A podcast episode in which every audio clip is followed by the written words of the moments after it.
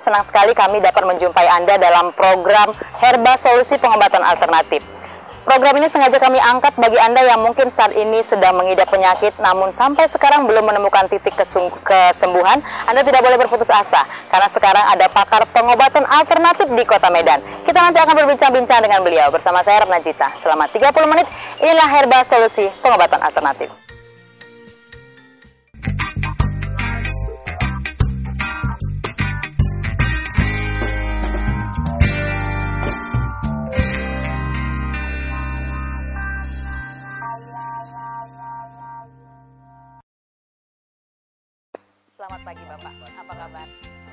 Ya Pak ya ketemu sama saya? Ya, Jadi pada topik pagi ini, eh, jantung ini Mbak eh, Ratna adalah termasuk punya urutan nomor tiga sebenarnya Hah? pasien kami Mhm, yang betul-betul datang Sesuai dan dengan ingin rating yang minggu berobat. lalu Bapak Nah, bilang. minggu lalu kita sudah bahas Mhm. ranking pertama itu kanker, cancer, kemudian adalah masalah lambung. Lambung, Nah, nomor tiga dia masuk di jantung. penyakit jantung ya. Nah, jantung Mbak eh, Ratna adalah ini saya katakan sesuatu alat atau organ tubuh yang sangat amat esensial, yang sangat amat Vital, vital, dan fatal. Kalau memang nggak kita betul-betul Benar Jaga. ya. jadi sesuai dengan topik kita pagi ini dah sejauh manakah kita merawat Jantung, jantung. kita. Mhm. Jadi jantung adalah fungsi dan tugasnya di sini untuk memompa darah dari ke seluruh tubuh. Jadi Mbak bayangkan fungsi daripada jantung ini adalah untuk memompa darah. Ya. Karena bisa dikatakan sumber penyakit juga dasarnya adalah di- dari darah. Darah, kalau ada sumbatan darah mungkin. Jadi karena memompa lah, kalau pompanya berhenti, berhentilah mungkin seperti itu ya Pak Jadi ya. kalau pompanya macet, otomatis yang lain ikut macet Ikut juga. macet. mhm. Jadi nggak salah kita eh, definisikan yang bahwasanya jantung adalah termasuk punya rating Iya. yang sangat tinggi, Yang sangat tinggi, benar. resiko tinggi untuk eh, kategori Indonesia kita nggak usah bilang dunia. Nah, kemudian eh, banyak orang menganggap sepele masalah jantung. Jadi seperti apakah indikasi orang-orang yang memang sudah Penyakit jantung itu. berpenyakit atau memang sudah difonis memang ada masalah dengan jantung? Mhm. Jadi eh, indikasinya Mbak Ratna, indikasi dari jantung kita bisa lihat sendiri dari eh, bobot dia punya berat badan semakin drastis, secara drastis dia menurun Oke. satu hal. Mhm. Kemudian eh, dengan ada sedikit rasa gelisah yang sangat luar biasa, Mhm. ini salah satu indikasi jantung. Mhm. kemudian eh, sering saya hadapi dan sering saya eh, jumpai Mbak Ratna kondisi jantung yang betul-betul amfal, kolaps. Ini adalah telapak tangan, telapak kaki, dia mengeluarkan suatu peluh Oke. keringat Sampai yang tidak wajar, itu ya, keringat dingin ini yang dikeluarkan. Mhm. Jadi tering- keringat-keringat betul seperti Mbak Ratna katakan tadi, keringat yang sangat tidak wajar. Mhm, mhm. Jadi di sini tidak ada teluh, tidak ada santet, tidak ada apa pun. Mhm. Yang jelas ini yang kita bahas adalah topik betul-betul penyakit yang alami Mhm. dan yang insya Allah separah apa pun kalau memang jantung sedini mungkin. harus kita periksa. Sepakat nggak Mbak? Ya, saya sangat sepakat sekali Pak karena memang saya juga ya eh, saya juga eh, sepaham dengan Bapak bahwa jantung itu adalah hal yang sangat vital. Betul. Jadi ketika seseorang sudah mengalami sindrom yang seperti Bapak bilang Mhm. eh, terasa gelisah, kemudian berat badan turun, dan juga tangan mulai basah-basah. Ini kecuali kalau di bulan tua ini Pak, Betul. mulai gelisah juga. Mungkin seperti itu. Nah, mereka sudah harus mem- memeriksakan diri ke dokter karena eh, ternyata sesuai dengan kasus yang mungkin beberapa minggu kemarin Mhm. penyakit jantung tidak hanya menyerang orang yang sudah berusia lanjut. Bahkan di usia sangat produktif seperti seorang lelaki yang usia 40 tahun sudah bisa langsung divonis penyakit jantung. Jadi sebenarnya penyakit jantung tidak mengenal usia kah Pak? Dan ketika sindrom itu atau ketika ada sindrom seperti apa mereka harus bisa memeriksakan diri? Pasien kami yang terakhir usia 17 tahun Oh, kecil. wanita. Iya. Ini eh, sudah diponis oleh jantung, Mhm. eh, oleh eh, pakar jantung, ahli jantung, Mhm. maaf, ya. Ini terjadi penyumbatan 17 pada tahun ya Pak? palep jantung Oke. Mm. sehingga jantung itu bengkak.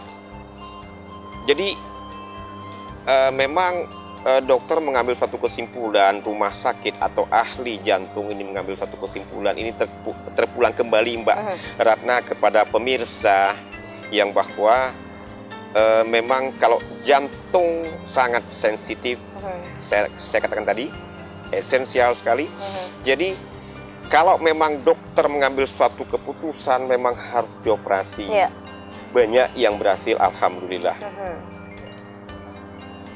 Kalau memang dengan jalan harus tam- dengan jalan memang tanpa harus dengan operasi bisa nggak Pak? Iya. Kenapa tidak? Terbukti, alhamdulillah eh, saya, saya, saya tidak berani mem- memberikan suatu garansi eh, ribuan atau ratusan puluhan orang yang sudah kita bantu untuk masalah jantung dari stadium dia low middle Mhm. sampai high Eh, dia ini semua kita sudah atasi Mbak yang alhamdulillah sudah ada yang sehat Mhm. secara total yang memang harus tanpa dengan operasi. Operasi. Kemudian ada juga yang sudah dalam proses penyembuhan. Mhm. Ini semuanya Mbak secara sinergi kita lakukan. Mhm. Secara terpadu kita lakukan. Tidak hanya dengan obat herbal. Memang di sini adalah 90% yang kita andalkan Hmm. yang kita harus berikan kepada mereka adalah asupan obat herbal. Iya. Namun ada 10 persennya yang kita harus bantu dengan Terapi. terapi-terapinya. Iya. Terapi. Jadi eh, terapi apa yang kita gunakan untuk jantung yang sangat efektif, efektif adalah maaf dengan terapi bekam.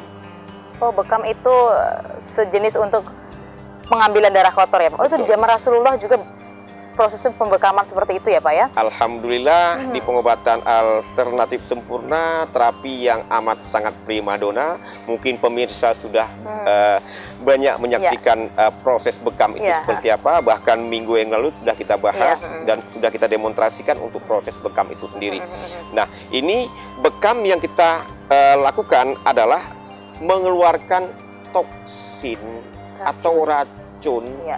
Juga bisa berimbas membuat jantung ini tidak bisa bekerja dengan stabil dikarenakan dalam darah tersebut mengandung toksin atau racun. racun yang apabila mungkin sedikit saya tambahkan atau saya potong ini Bapak eh, kalau racun itu mengendap mungkin kita cerita tadi soal endapan ya Pak kalau terlalu mengendap racun sudah terlalu banyak itu yang akan mengakibatkan penyumbatan Eh, minimal eh, proses daripada kerja jantung Hmm. itu sendiri terjadi stuck, terjadi Mhm. trouble. iya benar-benar Jadi Tidak sehingga lagi kita bekam, kita keluarkan darah Mhm. darah kotornya, kita keluarkan oksidannya, kita keluarkan racunnya. Ini sangat amat membantu daripada proses pengobatan itu sendiri yang memang Mhm. kita lakukan 90% dengan obat herbal. Saya tertarik ini Pak dengan proses bekamnya tertarik dan juga sedikit nyeri membayangkan bekam. Nanti kita bahas lagi ya Pak ya. Oke, kita break sebentar. Pemirsa kami akan kembali setelah pesan-pesan berikut tetap di Herba Solusi Pengobatan Alternatif.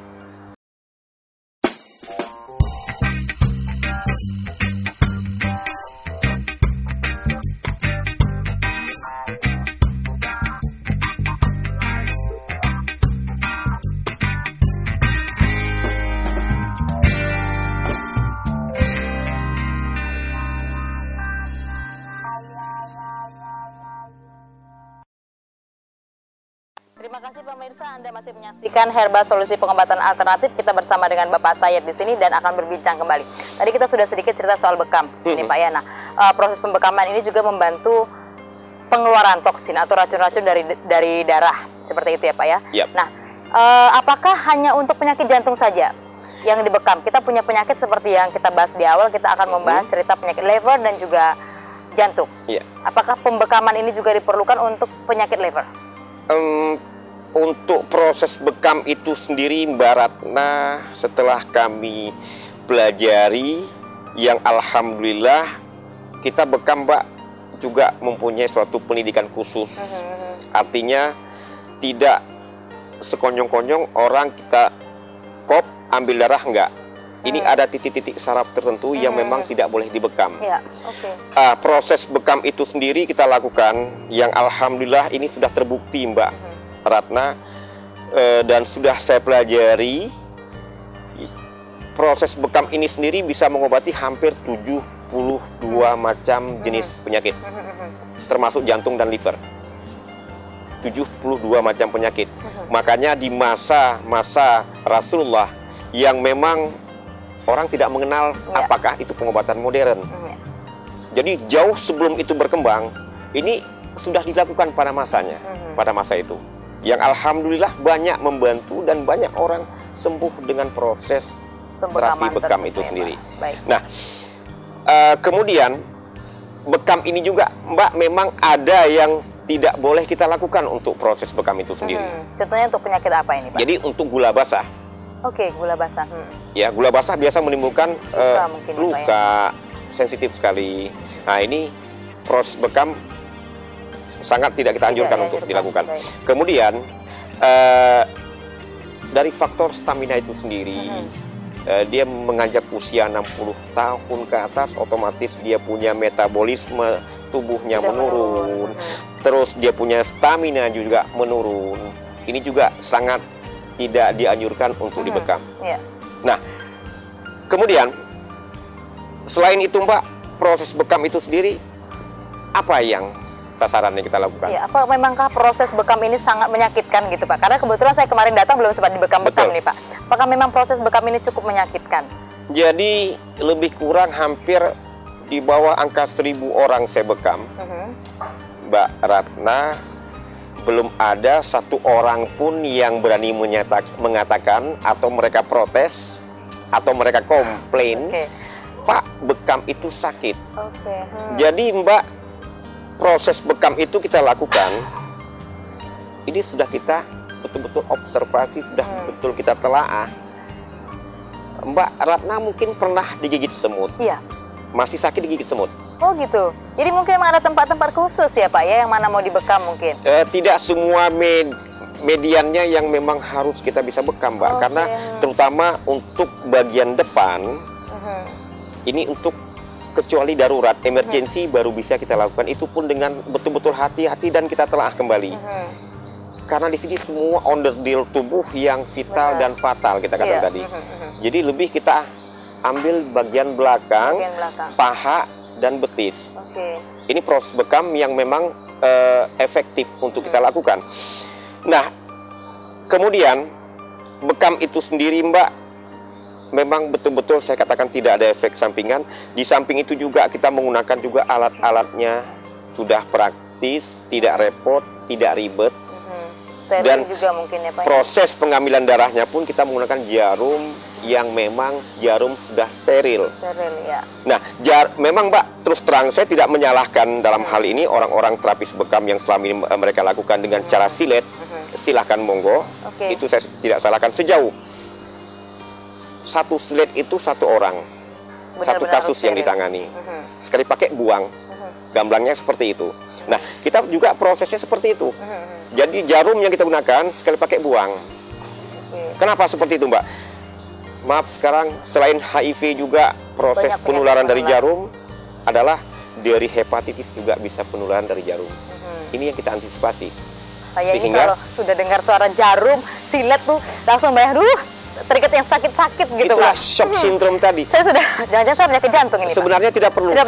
Karena apa? Saya katakan, saya jamin Hmm. insya Allah lebih sakit digigit semut. Saya, saya katakan tadi. Oke, iya.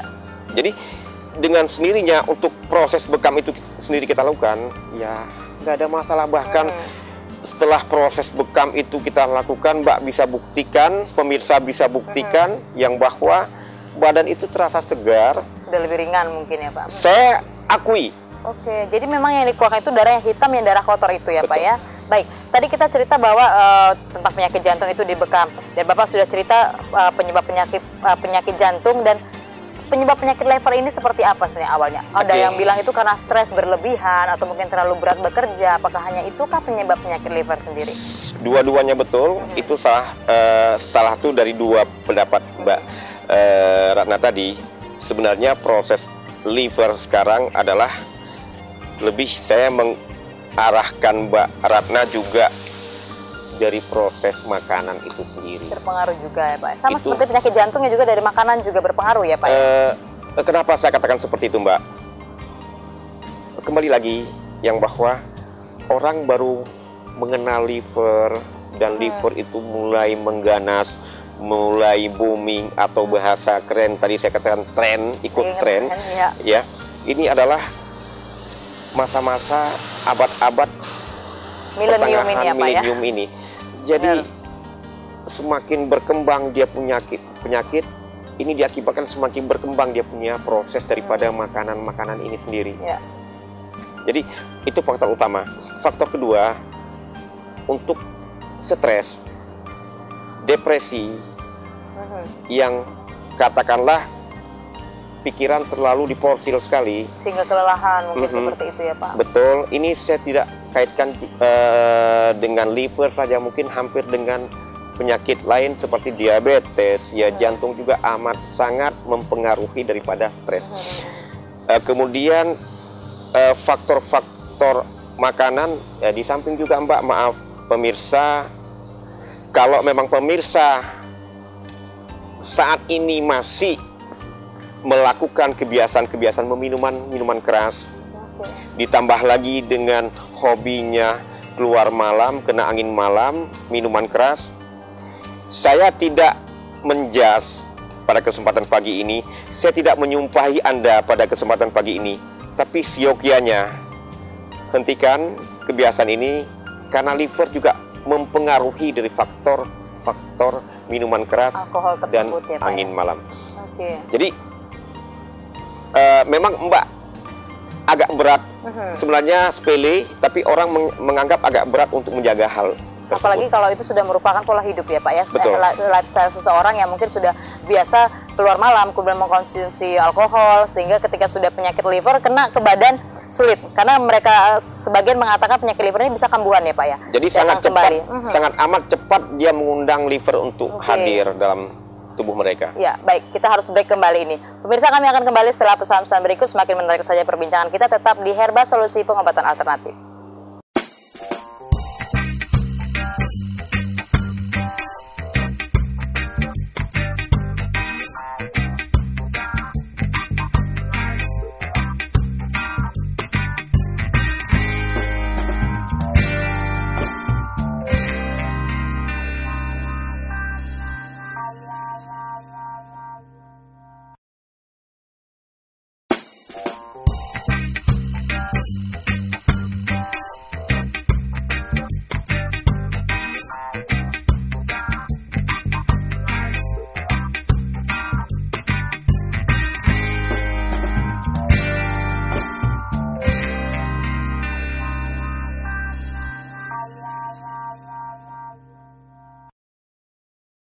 Terima kasih pemirsa Anda masih menyaksikan Herba Solusi Pengobatan Alternatif bersama saya Erna Juwita dan Bapak saya. Kita lanjutkan perbincangan kita tadi. Ya. Sedikit tadi masih tentang uh, liver. Liver. Sulit untuk mengubah gaya hidup seseorang. Ya Pak ya yang mungkin sudah biasa keluar malam kemudian mengkonsumsi juga alkohol. Nah, tapi uh, tetap juga kan Pak ada pro, apa ada bukan garansi sih tapi bisa memang bisa untuk penyakit liver ini sembuh dan tidak kambuh lagi karena uh, sebagian orang mengatakan kalau penyakit liver ini sudah sekali kena liver wah alamat bakal kena lagi deh, kena lagi, kena lagi. Apakah memang seperti itu? Pasien yang kami tangani terakhir, Mbak, saya baru angkat tangan, Mhm. saya akan lakukan eh, katakanlah tega nggak tega di sini. Mhm.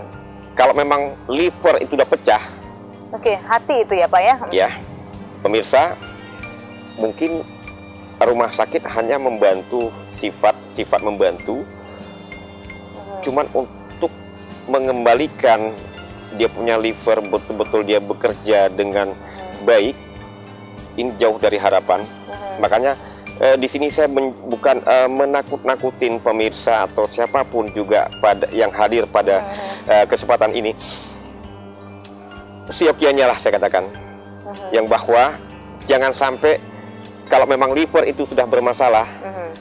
baru kita hentikan kebiasaan-kebiasaan Kebiasaan, yang iya, tidak sekali. diinginkan oleh liver. Karena Mbak Ratna, liver juga punya tugas dan peran penting dalam tubuh. Ya, benar Pak. Jadi kalau memang tidak ada liver, siapa yang menet- menetralisir racun yang kita makan, Mbak? Oke. mhm. Jadi ini jelas sekali yang bahwa liver ini betul-betul kita harus rawat, kita Mhm. kita jaga Mhm. di samping jantung yang kita bahas Iya, tadi. benar-benar. Jadi kalau bukan kita yang jaga sendiri Mbak, ya siapa lagi? Benar. Itu organ penting ya mungkin ya Pak ya. Sepele mbak, Mhm. orang menganggap sepele. Allah nggak ada itu, silakan. Tapi kalau memang sudah terjadi, sudah bermasalah, ini baru mereka sadar. Benar Pak. Ah, saya mengharapkan pemirsa jangan sampai kebiasaan ini kalau sudah terjadi, sudah bermasalah, kolab, masuk rumah sakit, baru kita ambil tindakan. Saya saya tertarik dengan Bapak mengatakan bahwa memang eh, lever itu kan menetralisir racun. Betul. Tidak pun dari alkohol sudah banyak sekali yang racun masuk ke tubuh kita. Mungkin dari makanan, Mbak bisa dari bayangkan oksidan. Jadi kasihan mungkin lever ini kalau ditambahin dengan dicekokin mungkin dengan alkohol. Mungkin seperti itu ya Pak ya. Nah, Saya sangat setuju dengan pendapat Mbak Ratna. Jadi eh, liver ini memang Mbak dia tidak eh, timbul atau tidak mencuat secara frontal saya katakan tadi. mhm, Pelan-pelan pelan-pelan. Indikasinya seperti apa, Pak?